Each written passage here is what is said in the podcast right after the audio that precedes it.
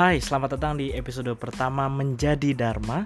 Kita akan membahas mengenai hal-hal inspirasional, kemudian pemikiran-pemikiran dari saya sendiri dengan hasil diskusi dari teman-teman juga dan akan membahas sebenarnya apa sih yang bisa kita lakukan sebagai pemuda untuk bangsa ini. Bersama saya Rivo Pahlevi. Hari ini saya akan membahas mengenai cita-cita. Jadi, waktu kecil dulu saya ingin sekali menjadi arsitek. Dulu waktu usia 2 sampai 5 tahun itu masa-masanya saya sering sekali membaca komik, membaca buku juga, membaca majalah. Waktu itu adanya Bobo dan juga Donald Bebek dan pada saat itu saya suka sekali menggambar. menggambar bukan pemandangan, menggambar bukan menggambar orang tapi menggambar bangunan, entah itu gedung, rumah, atau menggambar denah di dalam rumah. Jadi kamar-kamarnya, kemudian bagian dapur, bagian taman, menggambar suasana di lantai dua seperti apa. Ya intinya fantasi mengenai kondisi dan juga desain interior dari sebuah ruangan tuh saya suka sekali gitu. Waktu itu saya menghabiskan banyak sekali kertas setiap harinya, sepulang sekolah, ketika bangun tidur, di waktu libur juga gitu. Dan juga saya suka membaca dan mencari tahu di internet pada saat usia SMP dan juga SMA kira-kira gedung-gedung mana yang sangat bagus untuk dilihat kemudian bagaimana caranya mereka merancang dan saya tertarik sekali dengan mega proyek mega proyek yang ada di negara-negara lain pada saat itu ya mulai sekitar tahun 2003 2004 waktu itu baru masuk SMP atau 2007 2008 waktu itu saya ingat sekali di Dubai waktu itu sedang masifnya pembangunan, dibangun gedung-gedung baru, kemudian saya melihat proyek-proyek itu sebagai hal yang wow, kapan ya di Indonesia itu bisa terjadi gitu. Cuma pada akhirnya saya justru mencari tahu lebih banyak lagi bagaimana penataan ruang di sebuah kota, tidak hanya gedung-gedung ya, tapi akhirnya penataan bagaimana ibu kota sebaiknya ditata, kemudian bagaimana penataan saluran irigasi, um, kemudian di manakah pemukiman harusnya berada, bagaimana penataan di sekitar laut dan itu menarik sekali karena di sekitar saya kalau tidak salah tidak ada anggota ataupun teman yang menjadi arsitek. Cuma waktu itu ada keluarga yang memang kuliah arsitek, arsitek bawah laut gitu. Cuma memang tidak terlalu banyak interaksi dengan dia, jadi nggak bisa pinjem bukunya nggak bisa banyak ngobrol jadi nggak nggak banyak cari tahu gitu dari dia. Justru saya taunya dari internet gitu. Dan pada saat itu waktu SD saya ingat sekali ketika waktu menyaksikan film ada apa dengan cinta salah satu pemerannya Nicholas Saputra waktu itu mengambil jurusan di arsitektur Universitas Indonesia. Dan wah waktu itu dia menjadi idola kita semua dan ternyata jurusannya arsitektur. Akhirnya saya cari tahu uh, bahkan saya cari tahu selain jurusannya saya cari tahu mata kuliah mata kuliah apa aja yang ada di arsitektur. Dan akhirnya menjadikan itu sebuah cita-cita. Oke gue setelah SMA akan cari tahu itu dan gue akan masuk ke sana gitu. Tapi ketika SMA begitu mengetahui bahwa di arsitektur akan belajar banyak sekali hitung-hitungan uh, belajar fisika. Dan ketika SMA juga saya tidak terlalu tertarik sama fisika. Bahkan waktu kelas 1 SMA itu saya pernah mendapatkan nilai 0 di fisika. Jadi kayaknya harus mengubur dalam-dalam cita-cita itu gitu. Lagi pula hmm, selain itu arsitektur biasanya diambil oleh anak-anak IPA sementara waktu itu saya kelas 2 berkesempatan untuk masuk IPA dengan nilai matematika 8, biologi 9, kimia 9, tapi waktu itu fisika 7. Jadi saya merasa bahwa kayaknya bukan ini deh pilihan gue gitu. Waktu itu justru nilai-nilai IPS saya jauh lebih tinggi walaupun sebenarnya saya belum terlalu tertarik sama dunia IPS ya. Misalnya geografi dapat 9. Kemudian hmm, apalagi sejarah dapat 8, kemudian uh, ekonomi dapat 9 dan sosiologi itu waktu itu nilainya di rapot hampir sempurna ya 95 kalau nggak salah pas 97 gitu. Dan akhirnya saya pikir oh kalau di IPS nilainya bisa sebagus ini harusnya ketika kelas 2 dan kelas 3 saya nggak ada masalah dong dalam pelajaran jadi nggak ada kendala. Dibandingkan kalau saya masuk IPA nantinya akan terkendala di fisika gitu. Sementara mata pelajaran lainnya sih nggak ada gitu. Tapi sehubungan dengan itu waktu kelas 2 dan kelas 3 walaupun saya masuk IPS saya juga tetap berkesempatan untuk ikut lomba biologi. Jadi agak-agak aneh sebenarnya sebagai anak IPS waktu itu ikut lomba biologi, temanya biologi kelautan pula gitu, ikut cerdas cermat dan dapat juara satu. Nah, selain itu, saya waktu itu juga um, punya cita-cita lain. Waktu nonton ADC, kemudian melihat Nikola Saputra dan juga waktu itu Gadis Sampul lagi marak-maraknya dan di sekolah saya juga banyak alumni Gadis Sampul waktu itu di SMP Negeri 73 Jakarta di Tebet. Kayaknya seru deh jadi model. Karena pada saat itu cara termudah untuk mendapatkan uang adalah dengan jadi model dengan foto kita bisa mendapatkan uang yang banyak. Sekali foto bisa berapa ratus ribu waktu itu besar sekali jumlahnya.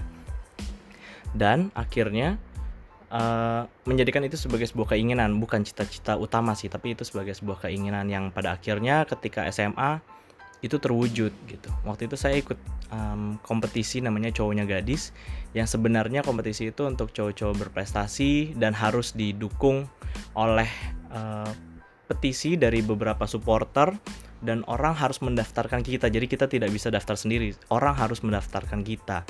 Waktu itu ada tiga orang adik kelas kelas 1 yang mendaftarkan saya. Waktu itu saya kelas 3 dan akhirnya saya lolos di interview dan juga um, seleksi lainnya sampai akhirnya menjadi finalis nasional gitu. Menjadi 15 finalis dari 8.800 peserta kalau tidak salah waktu itu. Tapi waktu itu kompetisinya bukan model kompetisinya adalah cowok-cowok berprestasi. Jadi jangan bayangkan kalau um, semuanya punya muka yang oke okay, badannya oke okay, itu enggak sama sekali. Karena sebagian atlet sebagian ilmuwan sebagian um, berprestasi di mata pelajaran ada yang di musik jadi memang kompetisi dari orang-orang yang berprestasi itu persaingan sangat ketat gitu. Tapi di luar itu, alhamdulillahnya akhirnya ada beberapa panggilan beberapa kali dari majalah gadis bagi saya untuk menjadi model dari artikel mereka gitu. Entah itu artikel biasa untuk opini ataupun artikel editorial yang akhirnya kita jualan produk tertentu gitu. Foto di sana sini dengan gadis sampul, men, uh, menjual produk tertentu dalam artian foto menggunakan produk gitu ya. Eh, foto-foto untuk liburan edisi liburan dan ya akhirnya keterusan. Beberapa kali akhirnya jadi uh, apa namanya bagian dari iklan tertentu ataupun promosi produk tertentu gitu. Dan setelah itu berlanjut sampai kuliah saya masih sering foto dan wah kayaknya kewujud nih ya jadi model gitu tapi kayaknya kita uh, ada di dunia yang serba tidak pasti ya mendapatkan ketidakpastian kapan gue dapat duit dan kapan gue foto lagi tuh harus nunggu. Nggak nggak pasti setiap bulan dapat job nggak nggak pasti setiap bulan dapat uang yang sama gitu. Kadang satu kali foto bisa satu juta waktu itu wow hmm, satu bulan satu kali aja itu lumayan banget buat anak kuliah zaman saya gitu. Tapi uh, pada akhirnya sempat ada beberapa bulan yang tidak dapat job sama sekali dan akhirnya kayaknya gue nggak bisa deh menggantungkan hidup sama ini gitu. Akhirnya itu cuma buat ngisi ngisi tabungan kalau saya mau beli sesuatu aja gitu bukan hal yang bisa saya gantungkan untuk bisa membiayai kuliah ataupun uh, membiayai hidup gitu ya. Karena memang masih dibayarin orang tua juga dan ya alhamdulillahnya karir modelnya lancar tapi nggak lancar-lancar banget nggak kayak orang-orang lain gitu kemudian uh, ketika SMA saya nggak punya cita-cita apa-apa sih karena terlalu banyak ikut lomba, terlalu banyak ikut kegiatan jadi panitia ini itu, ikut uh, undangan. Dan akhirnya uh, waktu itu ikut beberapa kegiatan juga dari kampus-kampus menjadi perwakilan sekolah gitu ya. Dan uh, Senin sampai Minggu tuh hampir-hampir kita nggak punya waktu untuk ada di rumah. Karena biasanya ikut kegiatan macam-macam terus uh, akhirnya ikut-ikut lomba dan Senin sampai Minggu itu biasanya selalu ada di luar rumah dari pagi sampai um, malam. Jadi kebayang ya saya nggak punya waktu di rumah apalagi buat keluarga ataupun kumpul keluarga gitu. Paling cuma tanggal-tanggal merah ataupun uh, ketika liburan aja gitu. Selain itu uh, setelah kuliah itu masih berlanjut sih ikut bem segala macam. Uh, ikut beberapa kompetisi juga masih. Setelah itu di kampus juga begitu begitu um, masuk kampus ikut pemilihan duta ini itu kemudian ikut organisasi ikut bem ikut UKM waktu itu ikut UKM juga ada fotografi ada ikut UKM film main film waktu itu satu satu film pendek ya nggak berpengaruh apa apa sih buat karir tapi juga eh, nggak uh, menjadikan itu sebagai penyesalan karena ada pengalaman tersendiri juga ya. Kebetulan waktu SMA juga ikut teater. Jadi saya itu orangnya suka mencoba semua hal sampai akhirnya tahu oke okay, gue baiknya di mana ya gue kerennya di mana dan gue bisanya apa nih sebenarnya gitu. Karena waktu SMA juga ikut 8 ekstrakurikuler ikut MPK ikut OSIS kemudian ikut lomba-lomba. Jadi wow bayangkan uh, minat dan bakat saya harusnya semuanya tersalur ya karena mengikuti banyak sekali kegiatan gitu. Waktu SMA sampai kuliah juga saya aktif di pemilihan duta remaja di bawah Dinas Olahraga dan Pemuda waktu itu DKI Jakarta. Itu tahun 2007 sampai tahun 2013 jadi 6-7 tahun aktif di sana dan yaitu uh, menyalurkan uh, minat dalam membuat event, kemudian menjadi juri di sebuah kompetisi gitu, di ajang pemilihan duta, kemudian belajar banyak lah pembuatan makalah, presentasi, belajar modeling juga, belajar nari tradisional gitu, pengetahuan tentang kebangsaan. Jadi ilmunya luar biasa karena ikut kegiatan banyak. Tapi pada akhirnya juga saya jadi bingung um, harusnya ke mana ya arahnya gitu, karena tidak punya minat yang sangat besar terhadap suatu bidang gitu. Jadi emang karena mencoba semuanya akhirnya suka sama semuanya. Saya suka fotografi, saya suka jalan-jalan, saya suka nulis, saya suka baca, saya suka nyanyi, suka karaoke iya, suka mendengarkan lagu, suka menonton film, uh, suka dengan pertunjukan teater, suka apa lagi ya? Hmm, banyak banyak banget. Hampir semuanya pernah saya coba gitu. Sampai kerja pun ya akhirnya melenceng sih. Karena uh, kuliahnya itu kan di pendidikan sosiologi di UNJ harusnya jadi guru selama selama 4 tahun belajar tentang pendidikan cara mendidik anak dan cara mengajar di kelas. Kemudian praktek selama enam bulan di SMA saya di SMA Negeri 55 Jakarta di Duren 3 Jalan Potlot yang ada slangnya itu. Um, dan akhirnya waktu itu mengajar di sana enam bulan merasa bahwa suka sih ngajar tapi kalau Senin sampai Jumat ngajar kemudian ngajarnya kelas 2 kelas 2 aja kelas 3 kelas 3 aja jadinya ilmu kita kan nggak nambah. Kita mengulang-ulang apa yang ada di textbook. Kemudian ya paling apa sih yang dicari tahu di Google cuma sedikit. Dan kita tidak bisa bergerak banyak sebagai guru muda tuh nggak bisa dengan nyelenehnya ngajar di outdoor kemudian uh, ngajak anak-anak murid ke mana ke mana mengeksplor lebih banyak media untuk pembelajaran tuh nggak bisa gitu. Kita masih terkungkung dengan sistem. Dan akhirnya merasa kayak gue harus mendobrak deh gue nggak bisa nih di bidang pendidikan gitu. Mungkin ngajar iya, tapi sebagai dosen mungkin ya gitu. Karena lebih fleksibel, tapi itu kan harus di apa namanya di diraih ketika nanti saya S2 gitu. Nah, sebelum menjadi dosen, uh, akhirnya saya memutuskan ikut job fair. Waktu itu job fair banyak kan uh, asuransi sama bank. Jadi ketika naruh CV kemudian dipanggil-panggil saya nggak datang karena saya takut kerja di belakang komputer dan akhirnya jadi robot gitu. Akhirnya ada exhibition uh, eh ada job fair untuk broadcast jadi untuk televisi dan radio dan akhirnya keterima deh di Trans 7 sebagai salah satu jurnalis gitu. Dan itu bidang baru karena kan saya nggak belajar komunikasi ya gitu. Waktu itu pernah keterima di Mustopo di komunikasi sudah dapat kartu mahasiswa tapi ketika keterima di kampus negeri akhirnya saya pilih kampus negeri gitu. Ya sehubungan dengan waktu itu teman-teman cowoknya gadis juga semuanya 15-15 itu di kampus negeri di provinsi kita masing-masing gitu dan setelah itu akhirnya saya kerja selama sekarang sudah enam tahun. Selama kerja pun juga saya mencoba banyak hal olahraga baru lari bulu tangkis sampai panjat tebing. Saya juga belajar wall climbing. Apa ya apa yang enggak yang enggak saya coba ya? Les renang les bahasa Belanda semuanya saya coba gitu. Tapi sampai sekarang saya belum punya cita-cita yang oke okay nih gitu. Mungkin suatu hari nanti saya harus merumuskan kembali gitu ya, berkontemplasi, membutuhkan waktu beberapa hari atau beberapa minggu untuk merenungkan, merumuskan apa sih yang sebenarnya dicari dalam hidup ini gitu. Mungkin kalau kamu juga merasakan yang sama, nggak salah gitu. Nggak salah kalau kamu menjalani ini, oke okay deh gue jalanin aja gitu tapi kamu harus punya goal juga gitu. Mungkin nggak sekarang. Mungkin lima tahun ke depan 10 tahun ke depan kamu mau jadi apa dan itu harus ditata dari sekarang. Itu yang sekarang lagi saya cari-cari waktunya untuk bisa merumuskan oke okay, gue 5-10 tahun lagi gue mau jadi apa ya? Setelah itu gue harus gimana? Apa yang harus gue kejar? Apa yang harus gue raih sekarang untuk menjadi bekal nanti gitu. Dan akhirnya semua saya lakukan sekarang supaya nanti 5-10 tahun lagi saya sudah bisa mencapai itu. Jadi semoga kita semua udah punya jawaban atau setidaknya sudah menemukan cara apa sih yang akan kita cari 5-10 tahun ke depan.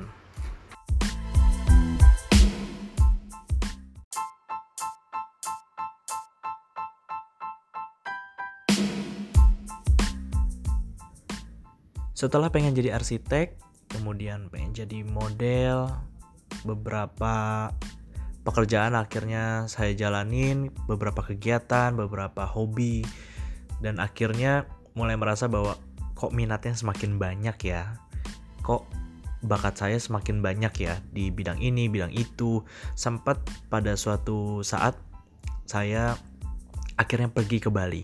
Waktu itu saya bingung mau cuti ke mana karena terlalu banyak bekerja dan cutinya nggak diambil selama bertahun-tahun dan kayaknya merasa perlu deh untuk cuti selama dua minggu.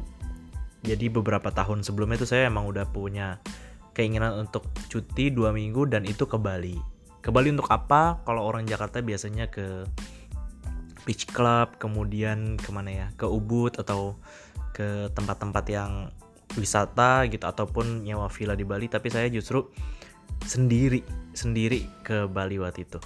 Jadi benar-benar ada beberapa teman di sana yang memang saya kenal dan juga tinggal ataupun kos di sana tapi memang niat saya waktu itu adalah sendiri datang ke Bali untuk menenangkan diri. Waktu itu sih nggak ada penat di kerjaan ya cuma sepertinya kalau ke Bali sendiri uh, pikiran akan lebih fresh. Waktu itu tujuannya adalah kontemplasi. Jadi teman-teman tahu kan bahwa umur 25 26 pasti mengalami quarter life crisis yang mana waktu itu saya ngerasa sebenarnya hidup biasa aja gitu. Nggak ada masalah nggak ada nggak ada kendala di kerjaan tapi merasa kayak kok gue nggak punya goal apa-apa ya tahun ini? Kok gue nggak terlalu ambisius ya seperti orang lain? Atau nggak punya pencapaian yang sangat besar buat orang-orang lain? Waktu itu ngeliat teman-teman ada yang umur 23 sudah jadi manajer di kantor lain, ada yang sudah jadi ini, jadi itu, mendapatkan ini, mendapatkan itu, beli ini, beli itu kok saya gini-gini aja gitu. Bukan dalam artian tidak bersyukur, tapi artinya kayaknya kurang keras dalam berusaha untuk bisa mendapatkan sesuatu ataupun yang saya inginkan. Karena akhirnya cita-cita yang saya inginkan akhirnya nggak jelas apa. Kemudian cara-cara saya untuk mendapatkannya otomatis nggak jelas karena saya nggak tahu cita-cita saya apa di usia segitu dan nggak tahu goal apa lagi yang mau diambil. Dan akhirnya ya udah jalani hidup kayak robot. Liputan selesai liputan selesai liputan selesai. Sampai cuti nggak diambil sampai akhirnya nggak fokus mau ke mana dan terlalu banyak kegiatan sama teman-teman gitu. Akhirnya ke Bali selama dua minggu mesen tiket sendiri. Untuk pulang dan pergi tidak janjian dengan siapa pun di sana beberapa hari sebelumnya saya telepon sama temen yang di sana. Ada namanya baby. Waktu itu dia kos.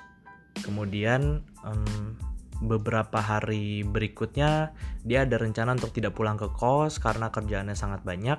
Jadi akhirnya oke okay, boleh nggak gue pinjam kosannya? Gitu. Akhirnya waktu itu saya tinggal di kosan dia selama beberapa hari selama dia tidak ada di kosan gitu karena kan dia perempuan. Dan akhirnya beberapa hari pertama di Bali saya naik taksi sendiri di kosannya juga sendiri makan jalan kaki ataupun naik ojek online gitu. Dan akhirnya di situ punya waktu untuk me time nggak terlalu banyak main HP um, merenungkan apa sih sebenarnya yang saya mau gitu. Waktu itu sih benar-benar menikmati liburan banget ya. Nonton DVD baca buku jalan-jalan sendiri jalan kaki ketemu orang baru yang misalnya kita ketemu di warung bakso ketemu dengan meja sebelah gitu ngobrol aja. Bener-bener kayak liburan sendiri punya waktu me time yang banyak dan akhirnya bisa fokus sama diri sendiri. Karena biasanya kan selama ini fokus sama teman-teman sama keluarga dan kerjaan gitu. Akhirnya di situ saya baru tahu wah ini ya rasanya punya waktu untuk diri sendiri. Di situlah mulai merenungkan apa sih sebenarnya yang saya mau gitu yang saya mau pada saat itu adalah lanjut kuliah. Tapi nggak tahu buat apa. Kemudian yang saya mau waktu itu adalah pindah kerja. Tapi nggak tahu buat apa. Sampai akhirnya oke okay, gue harus merumuskan ulang ulang ulang ulang ulang beberapa hari. Menghabiskan waktu di kamar jalan jalan-jalan cuma untuk makan dan lebih banyak di kamar sendirian. Nggak terlalu banyak main HP nggak terlalu banyak nonton. Akhirnya merenung tuh benar-benar merenung. Oke gue mau jadi apa ya 10 tahun ke depan? Setelah itu merumuskan lima tahun ke depannya mau ngapain? Setelah itu merumuskan satu tahun ke depan harus ngapain? Artinya di 12 bulan ke depan udah harus ada yang dilakuin gitu. Kemudian enam bulan tiga bulan satu bulan sampai besok setelah pulang dari Bali gue harus ngapain nih di Jakarta gitu. Waktu itu yang terpikir adalah saya mau punya andil dalam pemerintahan Republik Indonesia dalam hal banyak. Waktu itu saya banyak maunya gitu. Sampai akhirnya oh nggak bisa nih gue harus pilih salah satu. Gue mau merubah apa dulu ya yang baik gitu. Mau masuk politik atau enggak ya? Kemudian kalau mau masuk politik gue harus gimana ya gitu. Dipikir-pikir lagi positif negatifnya semua semua. Karena itu kan nggak bisa sebentar ya. Kita harus benar-benar pikir banget gitu. Nggak bisa asal oke okay, gue mau jadi presiden. Nggak bisa gitu. Karena untuk menjadi presiden tuh stepnya banyak sekali gitu. Kemudian mau jadi menteri misalnya itu juga stepnya banyak banget gitu. Sampai akhirnya oke okay, gue 10 tahun ke depan akan menjadi salah satu bagian dari pemerintahan Republik Indonesia jadi pimpinan lembaga tapi kayaknya nggak bisa deh 10 tahun ke depan. Nah itu keraguan lagi gitu. Harus dipikir juga yang paling memungkinkan apa gitu. Karena apa ya bukan nggak bukannya memang nggak ada yang nggak mungkin tapi nggak gampang gitu. Dan memang kita bisa lakuin semuanya kalau kita mau usaha. Tapi nggak 10 tahun juga gitu jadi sesuatu gitu. Karena kan di usia 25 10 tahun lagi artinya saya baru usia 35 35 di Indonesia itu rata-rata um, pimpinan lembaga itu kan 50 tahunan gitu. Mungkin di negara lain bisa yang 30-an, 40-an gitu, tapi di Indonesia masih sekedar 50 tahun, 60 tahun tuh baru bisa jadi pimpinan lembaga gitu. Akhirnya oke deh mungkin itu 20 tahun kali ya. Artinya 10 tahun harus ngapain nih? Artinya 10 tahun harus jadi seseorang yang memang diandalkan oleh lembaga-lembaga pemerintahan kita gitu. Salah satunya adalah menjadi um, ahli di bidang tertentu atau menjadi waktu itu saya pernah wawancara sama staf khusus, staf ahli, kayaknya penasaran deh kerjaan mereka apa gitu. Dan akhirnya kayaknya saya harus secara spesifik nih harus merumuskan saya mau jadi apa dan di bidang apa karena nggak bisa dong. Saya harus saya di beberapa bidang sekaligus nanti orang juga bingung kan sebenarnya dia maunya di bidang apa sih? Dia cocoknya di bidang apa gitu.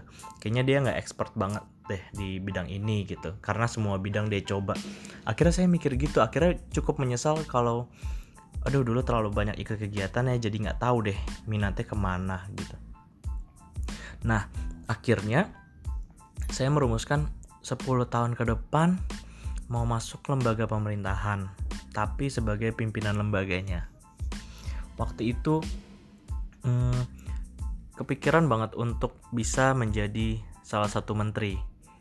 Di eranya siapa terserah ya presidennya, tapi terpikir untuk menjadi salah satu menteri. Tujuannya apa? Karena salah satu puncak pimpinan di lembaga itu kan misalnya Menteri Pendidikan, artinya pendidikan di, di Indonesia tuh ada di tangannya dia, walaupun setiap kebijakan nantinya kan tetap ada staf ahli, staf khusus, kemudian harus melalui DPR, DPRD dan lain-lain gitu. Tapi setidaknya dia bisa me menjalankan kebijakan-kebijakan yang entah kontroversial atau tidak, setidaknya dia bisa melakukan perubahan dengan posisinya itu gitu. Oke, gue akan jadi menteri, mungkin nggak sih gitu.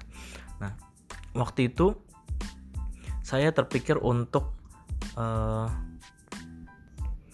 waktu itu belum kepikiran bidang-bidang baru ya masih yang konvensional aja gitu waktu itu kepikiran untuk menjadi Menteri Pendidikan dan Kebudayaan kenapa karena basic saya pendidikan belajar juga cara membesarkan anak cara mengajar uh, psikologi anak dan psikologi orang tua jadi punya basic lah gitu dan uh, lumayan memperhatikan kebijakan-kebijakan pendidikan di Indonesia gitu. Selain itu, uh, beberapa hari setelahnya juga kepikiran untuk menjadi ketua Badan Ekonomi Kreatif. Kenapa? Karena saya juga suka film, suka dengan uh, musik, dan suka dengan kegiatan-kegiatan Badan Ekonomi Kreatif. Coba deh kamu lihat Instagramnya. Dan kalau saya sih suka banget kayak hampir setiap kegiatannya dia tuh saya suka gitu. Jadi artinya ketika ke sana nggak terlalu banyak belajar gitu walaupun tetap harus perlu gitu tapi tidak perlu beradaptasi terlalu jauh gitu. Tapi kembali ke Menteri Pendidikan dan Kebudayaan kenapa? Karena dari sisi kebudayaan saya suka dari sisi pendidikan saya suka jadi artinya tinggal ditebelin lagi nih pengetahuannya gitu nah Waktu itu selama kontemplasi saya memikirkan oke okay, misalnya 10 tahun lagi menjadi Menteri Pendidikan dan Kebudayaan. Artinya apa yang harus saya punya?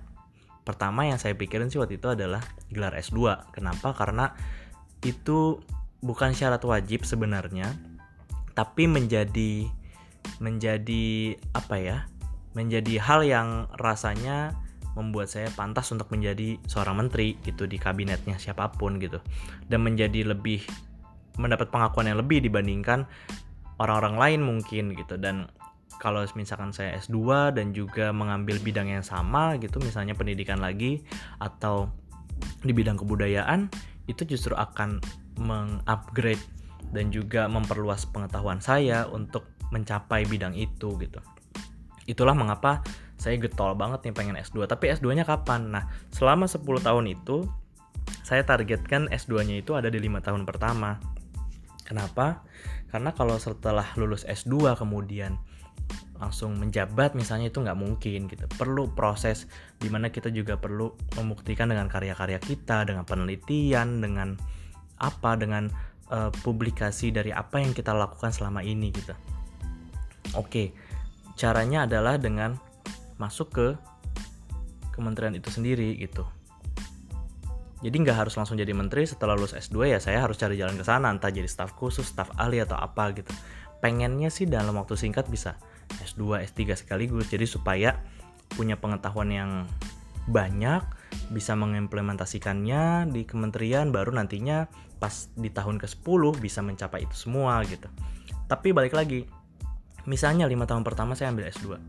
Beberapa tahun sebelumnya artinya harus punya sesuatu dong gitu sesuatu itu apa yaitu karya-karya supaya nggak terkesan oh nih orang mentang-mentang mau ngajuin ke sini akhirnya baru berkarya sekarang gitu nah itulah yang membuat saya selama lima tahun pertama ini berarti sekarang udah sekitar ya dua tahun tiga tahun ya dari masa kontemplasi itu Artinya di lima tahun pertama ini saya sudah memulai nih berkarya dengan sebanyak-banyaknya entah itu dengan video, dengan podcast ini misalnya, dengan tulisan-tulisan di blog, dengan banyak mengajar di kampus, dengan banyak mengisi seminar, menjadi narasumber, berbagi dengan orang-orang di media sosial.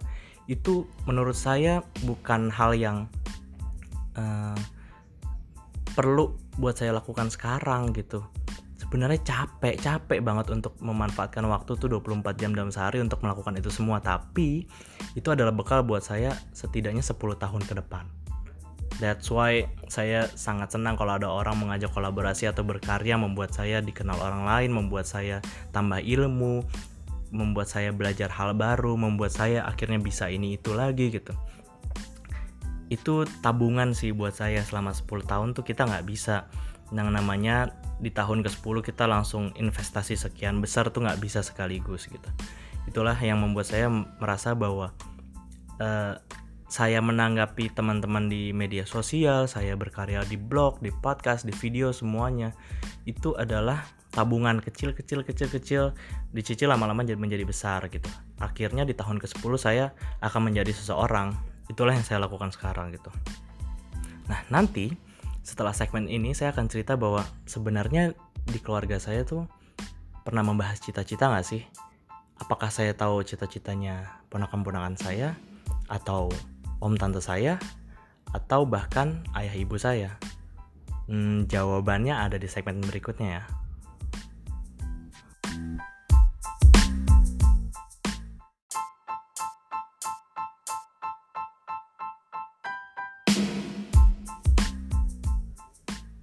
Pertanyaan selanjutnya, pernah nggak sih di kehidupan kalian, di keluarga, ataupun di teman-teman kalian mendengarkan orang-orang bercerita tentang cita-citanya masing-masing?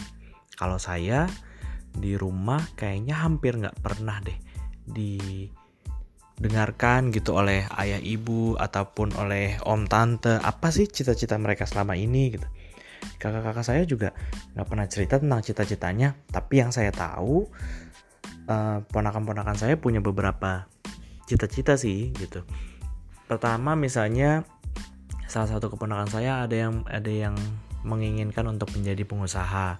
Dan bagusnya itu sudah dia mulai dari sekarang gitu. Walaupun sebenarnya target dia di usia 30 nanti gitu. Tapi di usia 20 sekarang 10 tahun sebelum untuk mencapai cita-cita itu dia sudah mulai dari usaha kecil-kecilan yang dia mulai benar-benar sendiri dari keringatnya sendiri gitu. Itu yang saya sal salutkan uh, kepada ponakan saya gitu.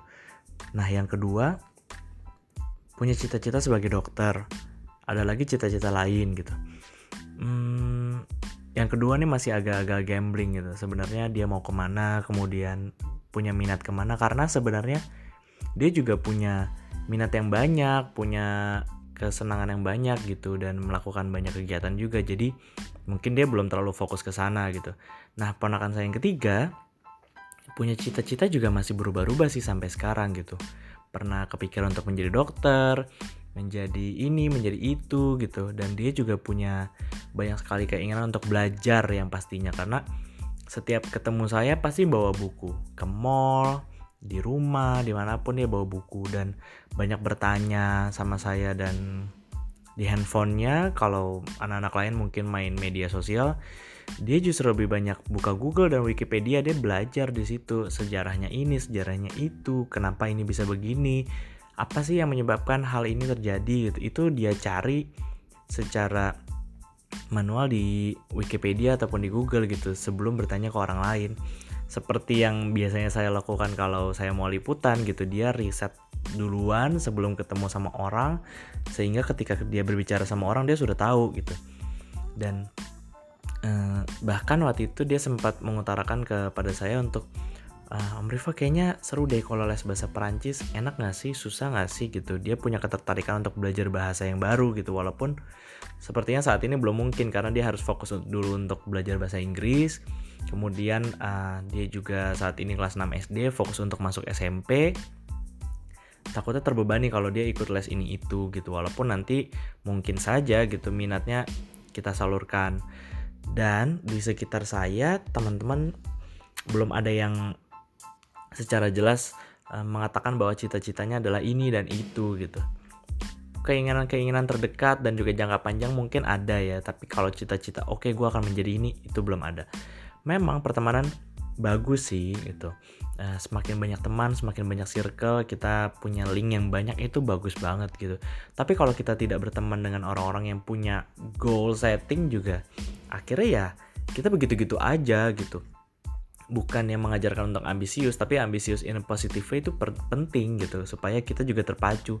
Ketika saya ada di lingkaran orang-orang yang sangat ambisius untuk bisa mendapatkan ini dan itu di usia sekian udah beli ini beli itu saya juga jadi ngerasa oke okay, gue harus nih begini gue harus lebih dari dia gitu. Tapi ketika kembali ke lingkungan pertemanan yang ah udahlah gue nyantai aja kerjaan gue masih nyaman kok gue udah zona nyaman banget nih gue kalau ke kantor baru kayaknya akan susah deh kerjanya nanti gue akan begini-begini. Ya saya juga nggak terpacu untuk bisa lebih dari yang sekarang gitu.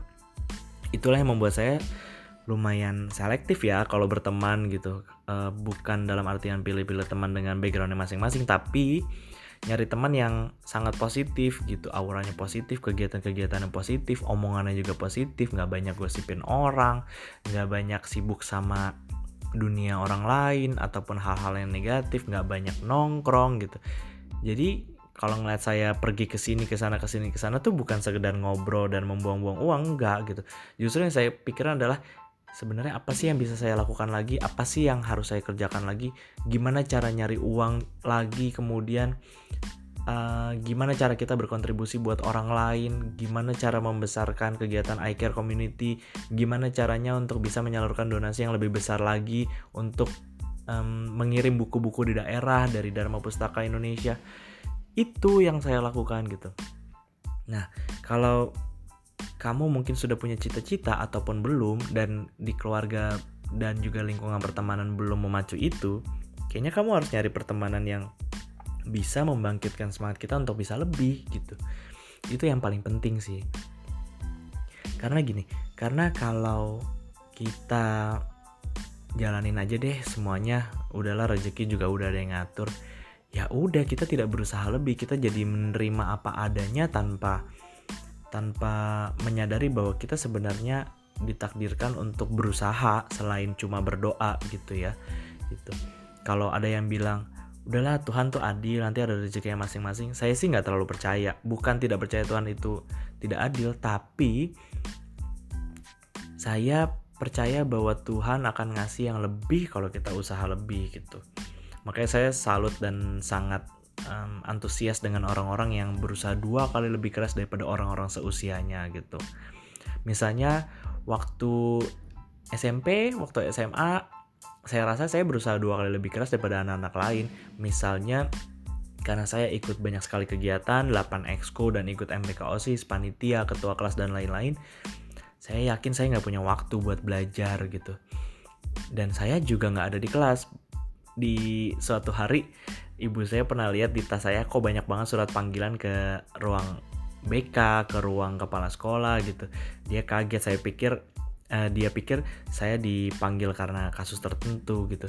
Tapi ternyata untuk lomba, untuk mewakili sekolah, untuk ini dan itu menerima tamu. Dan kapan ada waktunya di kelas gitu kan. Nah, tanya deh sama teman-teman saya di SMP ataupun di SMA, saya cuma ada di kelas itu waktu ulangan dan presentasi. Kenapa? Karena kalau jam pelajaran biasa biasanya saya dikirim ke sana-sana, ke mari uh, apa ya? Hampir jarang ada di sekolah juga karena ikut kegiatan gitu. Jadi cara terbaik untuk belajar saya rasa saya nggak bisa belajar di rumah gitu. Jadi akhirnya ketika ketika di kegiatan lain saya fokus sama kegiatan lain. Ketika di rumah saya baca sedikit. Dan besoknya ketika sarapan saya baca-baca aja gitu. Walaupun di sekolah belum tentu masuk ke pelajaran itu gitu ya misalnya. Tapi ya ketika presentasi dan ketika ulangan saya siap banget gitu. Pernah suatu hari um, wali kelas di kelas 2 SMA waktu itu uh, bilang kepada ibu saya waktu ngambil rapat anak ibu kayaknya nggak naik kelas deh karena selalu absen gitu. Tapi saya bilang nggak mungkin bu saya nggak naik kelas. Tugas saya kumpul semua. Saya selalu absen setiap hari hadir walaupun nggak masuk ke kelas. Tapi nilai-nilai saya bagus semua rata-rata 8 dan 9 jadi nggak mungkin nggak naik kelas. Dan ternyata benar gitu. Jadi sebenarnya dia mau membuat saya nggak naik kelas itu juga nggak bisa karena apa ya karena uh, waktu itu saya kalau nggak salah ada di urutan ranking ke 4 atau kedua saya juga lupa gitu. Pokoknya masih masuk lima besar dan dia tidak punya alasan yang kuat untuk membuat saya tidak naik kelas walaupun dia kayaknya sebel banget sama saya karena nggak ada di pelajaran dia nggak ada di pelajaran lain gitu. Nah bicara cita-cita ada beberapa cara nih yang lagi saya terapin sekarang untuk menuju ke sana sekitar 5-10 tahun lagi gitu. Pertama kontemplasi renungkan kamu mau jadi apa 5-10 tahun ke depan. Kemudian um, setelah itu tentukan mana yang paling prioritas. Ada beberapa posisi misal, misalnya kamu mau jadi ini dan itu. Kamu tentukan satu aja satu. Kemudian setelah mendapatkan satu kamu bakal tahu tuh oke okay, 10 tahun akan menjadi posisi itu. Kemudian lima tahunnya kamu udah harus ngapain gitu kamu udah harus ada di posisi mana kamu udah harus bisa mendapatkan apa gitu. Dan dilanjutkan dengan tiga tahunnya kamu harus ngapain kamu harus melakukan apa kamu harus sudah punya gelar apa dan di satu tahun satu tahun ke depan kamu sudah harus bisa mendapatkan apa itu sudah harus ditulis-tulis dari sekarang gitu. Jadi nantinya di setiap bulan kamu sudah bisa merencanakan goal apa yang bisa kamu dapat dan untuk mendapatkan goal itu artinya ada yang harus kamu lakukan setiap hari gitu. Itu yang saya lakukan sekarang. Setiap hari saya baca setiap hari saya nulis setiap hari saya berbagi sama teman-teman di media sosial setiap hari saya banyak uh, perbanyak link di luar kerjaan di luar pertemanan gitu. Saya harus kenalan sama orang baru. Kenapa? Supaya lima tahun tuh nggak berasa loh cepet banget. Supaya lima tahun ke depan tuh saya sudah bisa mendapatkan apa yang saya mau karena nantinya 10 tahun ke depan ada goal yang harus saya capai gitu. Nah, bicara itu masih banyak sebenarnya caranya masing-masing ya, tapi menurut saya sih itu uh, kontemplasi menentukan posisi yang kamu mau dan menentukan cara-caranya secara spesifik dari 10 tahun, 5 tahun, 3 tahun, 1 tahun sampai bulan-bulan dan hari-hari tertentu kamu harus jadi apa, harus mau ngapain, harus punya gelar apa dan harus bisa mendapatkan apa di waktu tertentu. Semoga cara ini berhasil buat kamu, tapi tidak semua orang bisa mendapatkan sesuatu dengan cara yang sama, dengan usaha sama, dengan waktu yang sama gitu. Kita punya jalannya masing-masing, tapi setidaknya saya berpesan banget sama semua orang supaya mau berusaha dua kali lebih keras kalau mau sukses. Dan artinya kamu harus bisa menjadi robot, tidur lebih kurang daripada orang lain, uh, tidur lebih sedikit, lebih sedikit bermain karena kamu harus lebih serius. Itu kalau kamu mau mengejar ya tapi kalau kamu mau santai-santai aja ya itu pilihan gitu. Tapi jangan sedih ketika 10 tahun ke depan teman-teman kamu udah jadi apa kamu belum jadi apa-apa gitu. Belum jadi siapa-siapa. Maka berbanggalah kamu kalau sudah hmm, di usia muda SMP ataupun SMA atau kuliah aja udah punya karya sesuatu yang diapresiasi sama orang lain bisa kamu publish gitu berbanggalah karena nggak semua orang punya kesempatan itu dan nggak semua orang punya kemauan. Jadi ya banyak-banyaklah berkarya selagi kamu masih muda gitu.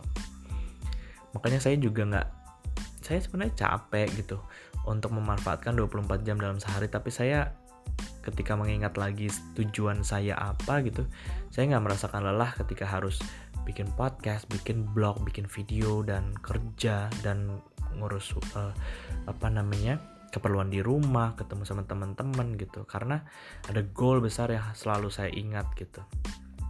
Dan lagi-lagi selain berdoa doang, kamu juga harus usaha gitu. Karena menurut saya nggak bisa lah Tuhan mengabulkan kalau kamu cuma berdoa berdoa dan berdoa tapi kamunya nggak ada usaha kan, gitu. Semoga caramu berhasil. Kita bertemu di kesuksesan masing-masing ya. Oke, sampai jumpa.